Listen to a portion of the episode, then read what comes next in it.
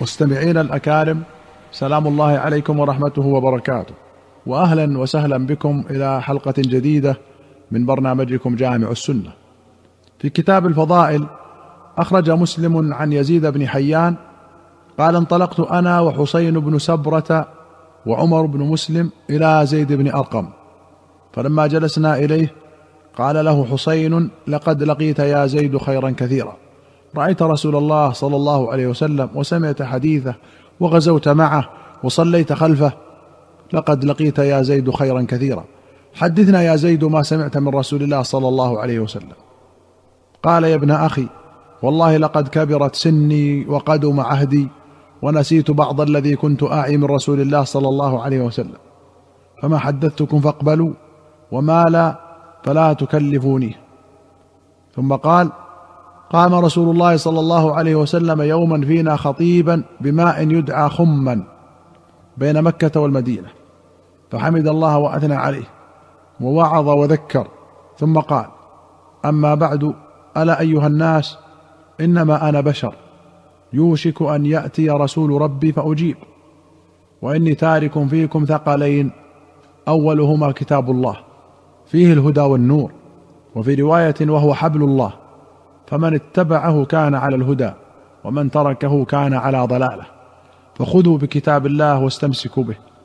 فحث على كتاب الله ورغب فيه. ثم قال وأهل بيتي أذكركم الله في أهل بيتي أذكركم الله في أهل بيتي أذكركم الله في أهل بيتي. فقال له حسين بن سبرة ومن أهل بيته يا زيد؟ أليس نساؤه من أهل بيته؟ قال نساؤه من أهل بيته. ولكن أهل بيته من حرم الصدقة بعده. قال ومن هم؟ قال هم آل علي وآل عقيل وآل جعفر وآل عباس. قال كل هؤلاء حرم الصدقة؟ قال نعم. وفي رواية فقلنا من أهل بيته؟ نساؤه؟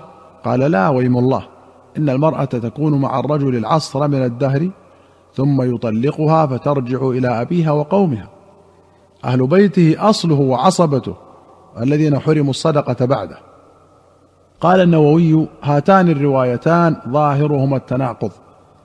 والمعروف في معظم الروايات في غير مسلم أنه قال نساؤه لسن من أهل بيته.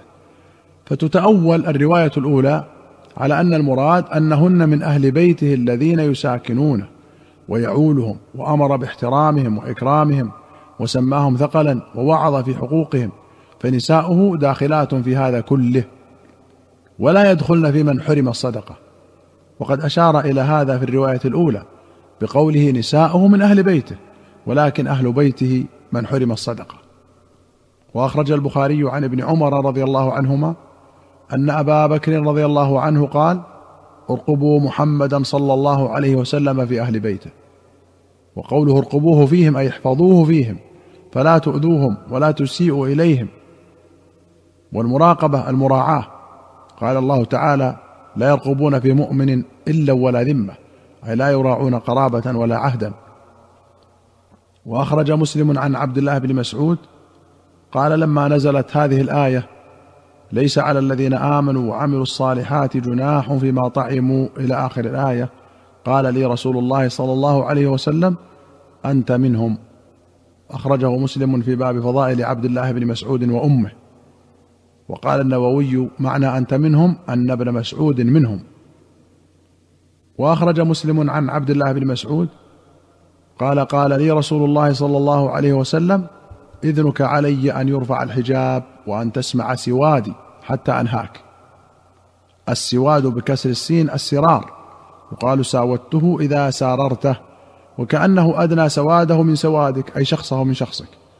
قال النووي فيه جواز اعتماد العلامة في الإذن.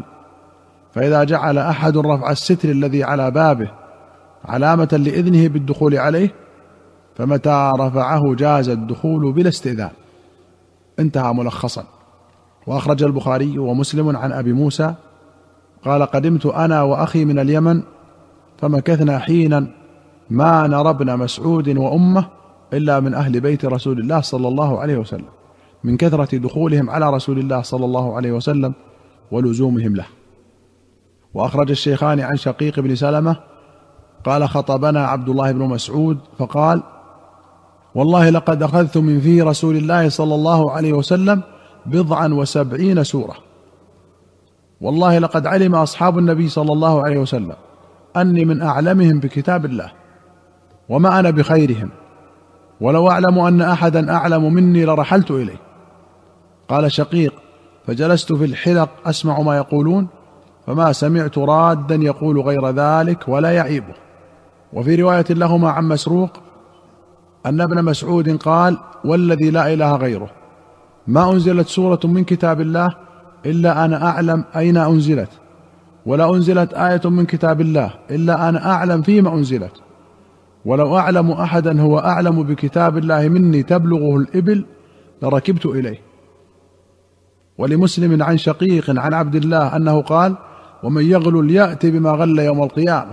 ثم قال على قراءة من تأمروني أن أقرأ؟ والله لقد أخذت القرآن من في رسول الله صلى الله عليه وسلم. وأخرج مسلم عن أبي الأحوص عوف بن مالك قال كنا في دار أبي موسى مع نفر من أصحاب عبد الله وهم ينظرون في مصحف فقام عبد الله فقال أبو مسعود ما أعلم رسول الله صلى الله عليه وسلم ترك بعده أعلم بما أنزل الله من هذا القائم. فقال أبو موسى أما لئن قلت ذاك لقد كان يؤذن له إذا حجبنا ويشهد إذا غبنا. وفي رواية قال شهدت أبا موسى وأبا مسعود الأنصاري حين مات ابن مسعود فقال أحدهما لصاحبه أتراه ترك بعده مثله؟ فقال إن قلت ذاك إن كان ليؤذن له إذا حجبنا ويشهد إذا غبنا. وأخرج البخاري عن عبد الرحمن بن يزيد قال سألنا حذيفة عن رجل قريب السمت والهدي والدل من النبي صلى الله عليه وسلم حتى نأخذ عنه. فقال ما أعرف أحدا أقرب سمتا وهديا ودلا بالنبي صلى الله عليه وسلم من ابن أم عبد. السمت والهدي والدل عبارة عن الحالة التي يكون عليها الإنسان. من السكينة والوقار وحسن السيرة والطريقة واستقامة المنظر والهيئة. وأخرج البخاري ومسلم عن مسروق قال ذكر عبد الله بن مسعود عند عبد الله بن عمرو فقال ذاك رجل لا أزال أحبه. سمعت رسول الله صلى الله عليه وسلم يقول خذوا القرآن من أربعة. وفي رواية استقرئوا القرآن من أربعة. من عبد الله بن مسعود فبدأ به. وسالم مولى أبي حذيفة ومعاذ بن جبل وأبي بن كعب. أيها الإخوة المستمعون الكرام إلى هنا نأتي إلى نهاية هذه الحلقة. حتى نلقاكم في حلقة قادمة إن شاء الله نستودعكم الله. والسلام عليكم ورحمة الله وبركاته.